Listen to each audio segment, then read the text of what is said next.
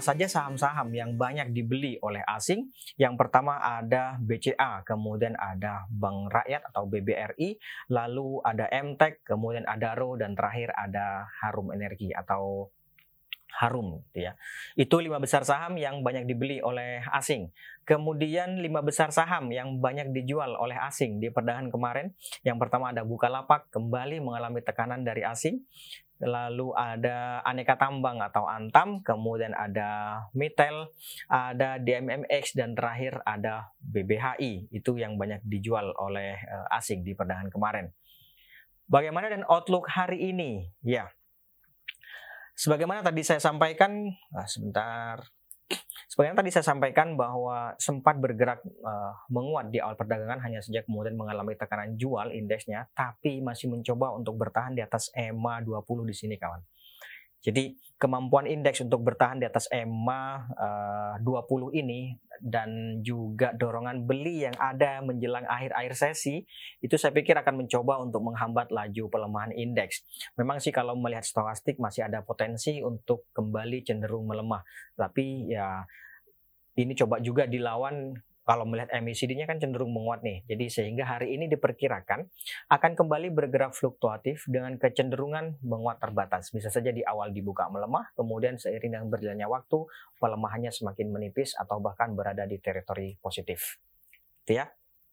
Ring pergerakannya antara sebentar ring pergerakannya antara uh, 6 615 sampai dengan 6720. 6615 sampai dengan 6720. Uh, itu untuk indeksnya. Bagaimana dengan ide trading? Yang pertama ada Bank Rakyat. Coba kita lihat ya, Bank Rakyat. Oke, ini dia Bank Rakyat. nah, uh, Bank Rakyat sebenarnya mengalami konsolidasi di perdagangan kemarin. Dia tampaknya juga mencoba untuk bertahan di atas 4130 ya.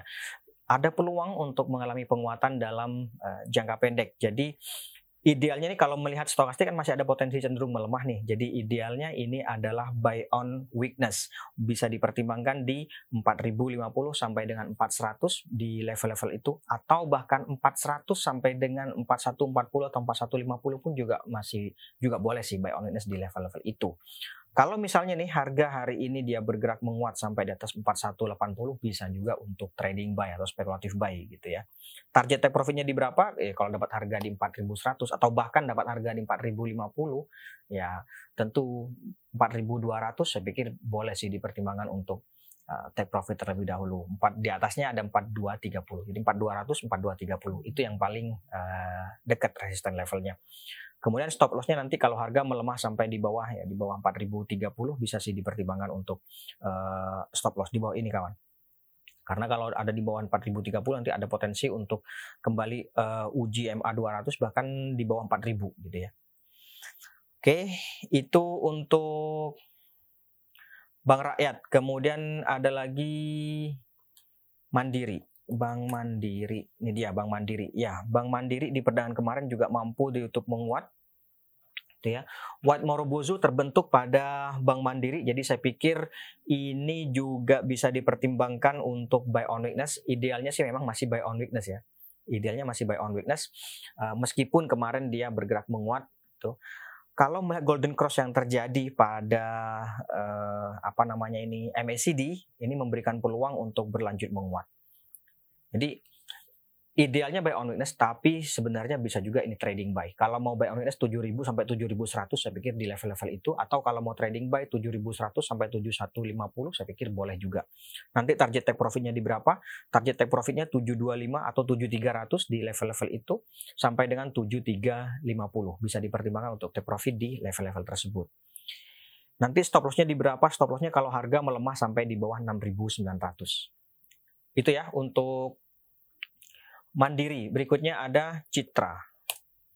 Oke, Citra. Ya, di perdagangan kemarin Citra sempat dibuka menguat di awal perdagangan hanya saja kemudian mengalami tekanan jual dan sempat juga uji support yang ada di sini yaitu 925. Nah, melihat tekanan jual yang terjadi seperti ini, memang sih bisa saja spekulatif buy di 925, tetapi menurut saya ada baiknya dipertimbangkan untuk buy on breakout saja, setidaknya di atas 940 atau kalau bisa di atas 955 juga boleh. 9 dia, misalnya nih hari ini dia bergerak menguat sampai di atas 955, saya pikir bisa dipertimbangkan untuk spekulatif buy. Gitu ya. Artinya apa? Ada dua tadi ya buy on uh, spekulatif buy boleh saja spekulatif buy di 925 sekali lagi saya ulangi boleh saja. Tetapi uh, baiknya nggak ideal juga tapi baiknya buy on breakout di atas 955 setidaknya itu di atas 940 lah setidaknya. Oke? Okay? itu untuk citra. Cukup menarik sih cukup menarik ini. Karena masih tampaknya mencoba untuk bertahan di atas uh, uptrend lainnya Oke, itu untuk Citra. Kita lanjut. BNI, ya. BNI kemarin juga mengalami konsolidasi dan sebenarnya kalau melihat pergerakan harga selama dua bulan terakhir, dia kan mengalami konsolidasi antara sini kawan, yaitu 6.600 sampai dengan 7225. Jadi ringnya di, di, di, di kisaran itu. Gitu. Pertanyaannya adalah kalau resisten levelnya 7225, sekarang harganya 7.050 masih worth nggak? Gitu. Itu aja sih. 175 nanti tinggal dibagi 7050 persentasenya masih worth nggak? Kalau masih oke okay, masih layak menurut kawan Visto bisa dipertimbangkan untuk trading buy. Tapi bagi yang sudah punya saya uh, bisa juga dipertimbangkan untuk uh, lihat nanti hari ini apakah dia mampu bergerak di atas 7225 kalau enggak ada baiknya dipertimbangkan untuk take profit terlebih dahulu. Gitu ya itu untuk uh, BNI short termnya gitu. Tapi kalau kita mau short to medium ya ini sih masih buy gitu ya. View-nya short to medium berarti kan 3 sampai 6 bulan ke depan. Kalau itu view-nya ya masih buy. Masih boleh sih. Oke. Itu untuk BNI, kemudian Antam. Antam, ya Antam kemarin kembali mengalami uh, tekanan jual dan pelemahan di bawah ini nih di bawah 2200 lah paling enggak gitu ya. Ini berpotensi sampai sebentar saya lihat dulu saya kasih garis saja. Nah, ini dia. Oke, kemudian satu lagi sebentar. Hmm, sini. Ya, hari ini dia sedang uji, ya bisa dibilang uji support yang ada di 1950. Hari ini apakah dia mampu bergerak di situ? Saya pikir uh, long black candle yang terbentuk selama dua hari terakhir ada peluang untuk memunculkan setidaknya dorongan beli sesaat gitu ya. Jadi saya pikir uh, kita tunggu hari ini kalau dia mampu bergerak menguat di atas 1960 atau 1955 lah paling enggak ikutan spekulatif buy tapi jangan banyak-banyak ambil untungnya. Uh, level psikologis 2000 boleh dipertimbangkan untuk keluar gitu ya. Jadi sekali lagi kalau hari ini dia menguat di atas 1955 atau bahkan dibukanya di atas 1955 saya pikir boleh sih dipertimbangkan untuk take, uh, apa namanya ikutan spekulatif buy tapi jualnya uh, level psikologis 2000 atau setidaknya di sini 2080 2000 2050 2080 boleh uh, dipertimbangkan take profit di level-level itu. Mainnya mesti cepat dan nggak bisa ditinggal. Nggak bisa ditinggal ya meskipun ini antam gitu tapi karena dua hari ini gerakannya kan cukup barbar juga gitu. Oke itu untuk antam. Kita lanjut sido. Ya Sido di perdagangan kemarin kembali mengalami uh, koreksi. Tampaknya harga belum mampu untuk bergerak di atas 970. Saya pikir boleh sih dipertimbangkan untuk take profit terlebih dahulu. Atau kalau bagi yang baru ter, uh, baru mau masuk tentu idealnya adalah buy on weakness. Boleh tungguin di 930 ke bawah. 930 ke bawah ya. Di bawah 930 ini soalnya ada 900-an ya. Nah ini 900. Jadi ideal untuk uh, buy on saya pikir di 900 880 sampai dengan 900 di level-level itu gitu. Atau gini. Uh, ini kan juga support lumayan kuat nih 930. Boleh sih spekulatif buy di situ sedikit saja gitu ya. Khawatir uh, pelemahan terjadi terjadi lebih lanjut gitu Atau kalau misalnya nih hari ini dia bergerak menguat sampai di atas 970 bisa juga ikutan spekulatif buy. Gitu ya. Oke, itu untuk uh, Sido. Kemudian berikutnya ada Elsa. Elsa. Oke, Elsa. Ya. Elsa ini di perdagangan kemarin juga dia ditutup melemah dan tampaknya bergerak melewati support level yang ada di 270. Saya pikir bagi yang tertarik ada dua. Yang pertama uh, buy on tentu idealnya. Karena kemarin mengalami tekanan jual yang cukup dalam gitu ya. Buy on di berapa? Di level-level sini kawan, 240 ya 240 di di di di situ ya. Uh, idealnya untuk buy on tetapi karena kemarin kan long black candle juga nih gitu ya. Kalau misalnya hari ini dia dibuka menguat saya pikir sih boleh saja ikutan uh, spekulatif buy tapi mesti mainnya cepat misalnya nih dibuka di 258 gitu ya kemudian uh, saya pikir take, take profitnya 266 mestinya sih cukup lah gitu ya atau ya resistance level terdekatnya tentu 270 di sini gitu 70. Tapi yang jelas ini masih mengalami tekanan jual. Idealnya adalah buy on weakness. Gitu ya. Bagi yang tertarik, idealnya adalah uh, buy on weakness di level sini yaitu di 240-an. Nanti kalau dapat harga di 240, saya pikir 260 sampai 270 boleh sih dipertimbangkan untuk uh, take profit. Oke, itu untuk Elsa. Berikutnya ada MTDL. MTDL. Ya, MTDL masih bertahan di atas uptrend lainnya dan saya pikir masih ada peluang untuk uh, berlanjut menguat. Ini ada dua juga. Yang pertama adalah buy on weakness, kedua adalah trading buy. Ini bisa sama-sama bisa. Jadi kalau mau buy on weakness saya pikir di level-level sini yaitu di 760. Nanti target take profitnya di berapa? resisten levelnya ada di 825 cukup sih harusnya ya kalau dapat harga di tadi 760 kemudian 760 jual 800 pun harusnya sih sudah oke okay sih ya, kalau dapat harga 760 jual 800 itu sudah uh, uh, lumayan cuannya gitu ya tahu resisten level berikutnya ada di 825 ini 800 825 ini masih uptrend untuk uh, uh, simpan juga ya nggak ada masalah gitu ya. Yang penting dijaga aja nih uptrend lainnya. Kalau dia kalau dia breakdown ada baiknya dipertimbangkan untuk uh, keluar terlebih dahulu. Oke, itu untuk MTDL. Berikutnya BTN. Ya, BTN sampai dengan perdagangan kemarin dia mengalami uh, apa namanya konsolidasi melanjutkan konsolidasi mencoba untuk bertahan di atas 1675 itu saya pikir bisa juga sih uh, buy on witness di level-level itu 1675 atau jadi gini, kalau mau buy on witness 1675 sampai dengan 1690 bisa di level-level itu. Atau bisa juga spekulatif buy yaitu di 1690 sampai dengan 1705 itu kalau mau spekulatif buy.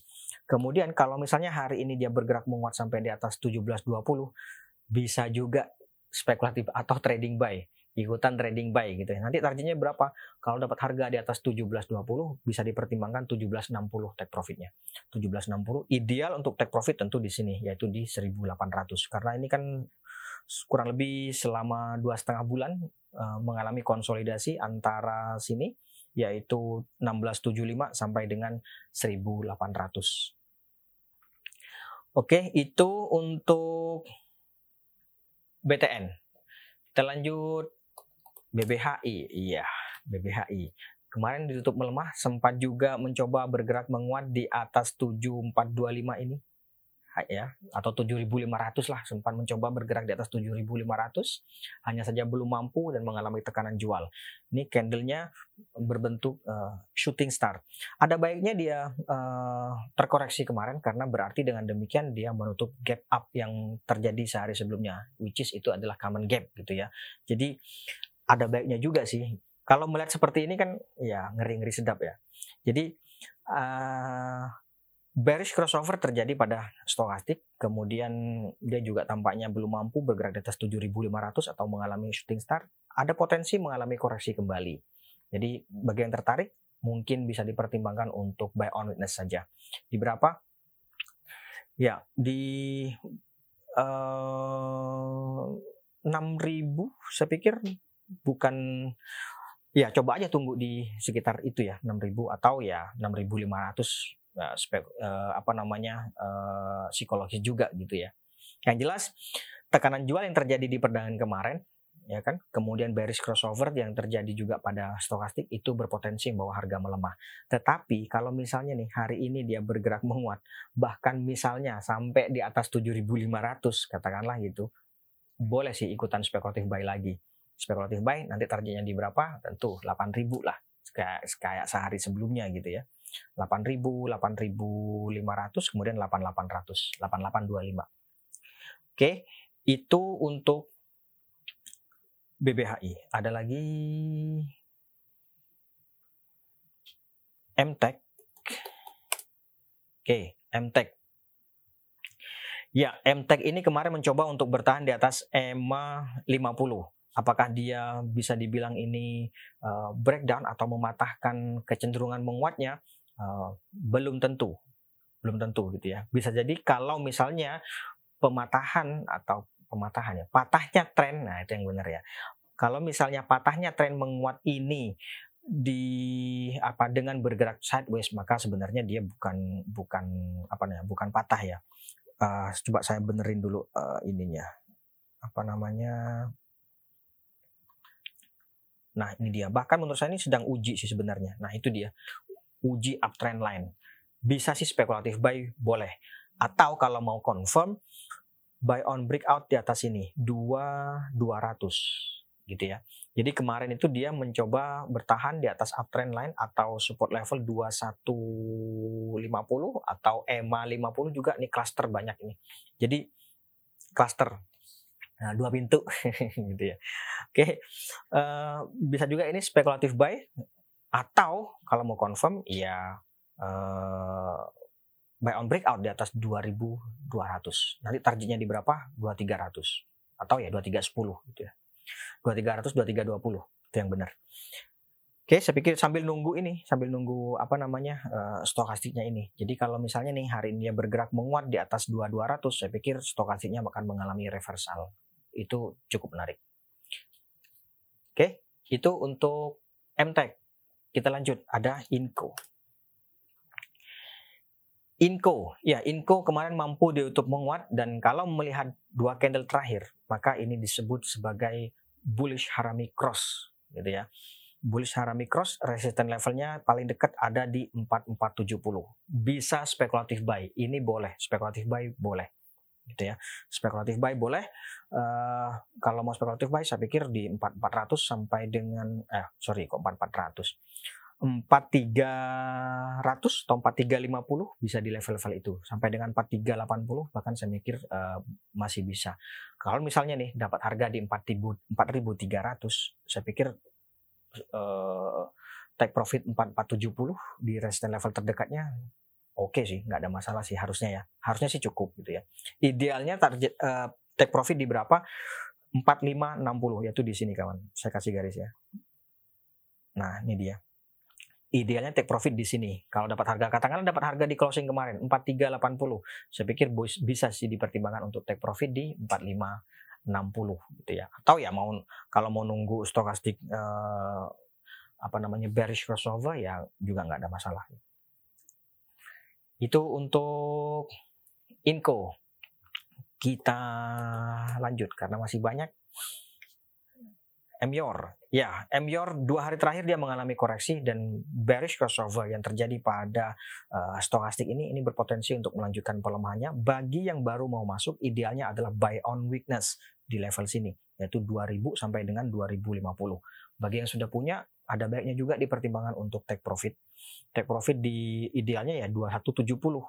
2170 sampai 2150 boleh coba di level-level itu pasang jualnya gitu ya. Yang jelas kegagalan harga untuk melewati resistance level yang ada di sini yaitu 2220 2220 itu belum mampu uh, kegagalan di, di kegagalan melewati itu berpotensi untuk melanjutkan pelemahannya gitu ya itu untuk Mior, bagaimana dengan uh, short to medium? Ini ini short termnya ya. Coba kita lihat short to mediumnya. Short to mediumnya itu buy on weakness itu idealnya. Atau ya sekalian buy on breakout nanti di atas 2200 itu.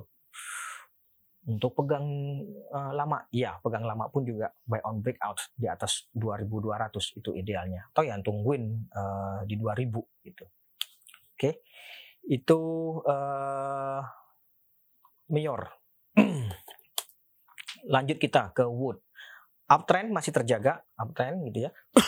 Tapi memang setelah dia mengalami penguatan long white candle beberapa hari sebelumnya, dia tampaknya mencoba untuk Eh, bertahan artinya dia mengalami konsolidasi. Resistance level terdekatnya 850. Sekarang pertanyaannya dengan closing kemarin 820, apakah worth di kalau take profit di 850? Nah, kalau dianggap layak ya nggak apa-apa, itu uh, trading buy. Trading buy 820, jualnya 850 gitu. Oke. Okay. Itu ya untuk wood. Kemudian ada lagi TNCA. ya, TNCA sebenarnya masih mengalami konsolidasi. Uh, supportnya di sini kawan, nih ya. 2000 sampai dengan 2000 ya 2020 2050 lah gitu ya. 2000 2050 boleh uh, uh, apa namanya buy on witness di level-level itu barangkali tertarik. Atau kalau hari ini dia bergerak menguat sampai di atas dua dua ratus dua dua ratus cukup dalam ya cukup tajam juga ya. Atau setidaknya dua satu lima puluh deh di atas dua satu lima puluh bisa uh, ikutan spekulatif buy nanti target take profitnya di dua tiga ratus itu ya. Oke resisten levelnya dua tiga ratus sih di sini cukup kalau cukup sih harusnya kalau dapat harga katakanlah dapat harga di 2100 2150 mestinya sih 2300 harusnya sih cukup itu TNCA kita lanjut ada Telkom. Telkom praktis belum mengalami perubahan sama sekali. Jadi rekomendasinya masih sama. Idealnya adalah buy on breakout di atas 4190 atau 4200 deh. Jadi resisten terdekatnya kan 4170 kemarin kan. Terus kemudian beberapa hari terakhir ternyata uh, apa namanya sempat bergerak 4190 kemudian ya otomatis dia akan uh, mengalami perubahan meskipun tentu lebih kuat 4170-nya dibandingkan dengan 4190-nya sejauh ini gitu ya. Jadi buy on breakout di atas 4190 ya kalau mau ini ya di atas 4200 lah itu confirm gitu ya. Nah, atau strategi yang kedua adalah buy low sell high yaitu buy on weakness. Kalau mau buy on weakness ya 4000 sampai dengan 4050 eh, bisa di level-level itu. Kalau dapat harga di 4000, dapat harga di 4050, saya pikir 41, 4170 boleh sih dipertimbangkan untuk uh, take profit gitu ya. Mainnya di daerah-daerah sini aja gitu. Beli 4000, jual 41 gitu. gitu ya. Itu untuk Telkom belum ada perubahan sama sekali dengan uh, uh, hari-hari sebelumnya. Kita lanjut lagi BBYB. Nah, ini ini menarik nih BBYB ini saya pikir menarik. Kemarin sempat dibuka uh, melemah di awal perdagangan, kemudian mampu ditutup menguat inverted hammer yang terbentuk pada candle ini dan juga mencoba untuk bertahan di atas EMA 50. Saya pikir memberikan peluang untuk mengalami uh, rebound jangka pendek. Jadi uh, bisa sih ini spekulatif buy boleh spekulatif buy di 2250 sampai dengan 2270 saya pikir boleh. Kalau dapat harga di 2250 misalnya 2360 sih mestinya sih cukup sih. Cukup untuk uh, take profit gitu ya. Coba kita hitung 110 dibagi 2250. 4,8 persen lebih dari cukup sih kalau saya. Oke, kalau dapat harga di 2250 jual 2360 itu harusnya sih uh, sudah cukup gitu ya. Tapi memang ideal untuk take profit ya di 2500 di sini kawan. Jadi resistance level terdekatnya itu ada di 2360, kemudian di atasnya ada 2500. Itu untuk BBYB. Kalau turun gimana? Kalau turun supportnya di sini nih. Jadi gini, kita lihat hari ini apakah dia mampu bertahan di atas EMA 50 ini yaitu di 2220. Itu kalau mampu bertahan di atas 2220 saya pikir boleh sih dipertimbangkan untuk spekulatif buy. Oke. Okay. Itu BBYB. BEPS. Oh iya, sebelum kita ke BEPS, saya informasikan terlebih dahulu bahwa investasiku sampai dengan saat ini tidak menerima pengelolaan dana gitu ya. Jadi bagi karena ada beberapa yang uh, lapor ke kami bahwa dia sudah store 16 juta tapi ternyata uh, tipu gitu ya. Jadi sekali lagi uh, investasiku tidak pernah menerima pengelolaan dana, apalagi sampai minta bayaran gitu misalnya. Tidak pernah. Kalau ada pihak-pihak yang mengaku dari investasiku atau bahkan dari Mega Capital Sekuritas misalnya uh, bilang apa menerima pengelolaan dana, maka itu dipastikan penipuan gitu ya. Hati-hati. Oke, kita ke BEPS. BEPS. Wow, ini ini ini menarik ini. BEPS ini menarik. Uh, boleh uh, untuk yang masih baru-baru uh, sekali-kali lihat juga nggak apa-apa, lihat aja gitu ya. Tapi ini menarik. Bearish engulfing yang terbentuk kemudian juga bullish crossover pada uh, stokastiknya saya pikir memberikan peluang untuk berlanjut menguat. Resisten level terdekatnya di berapa? Di sini kawan. Nih, 5500. Hampir 10% dari closing kemarin. Spekulatif buy atau trading buy bisa dipertimbangkan untuk BEPS menarik. Oke, baik uh, mungkin itu dulu kawan Visto untuk hari ini. Uh, tetap jaga kesehatan, gitu ya. Terima kasih atas partisipasi dan kehadirannya. Selamat pagi, salam investasiku for better tomorrow.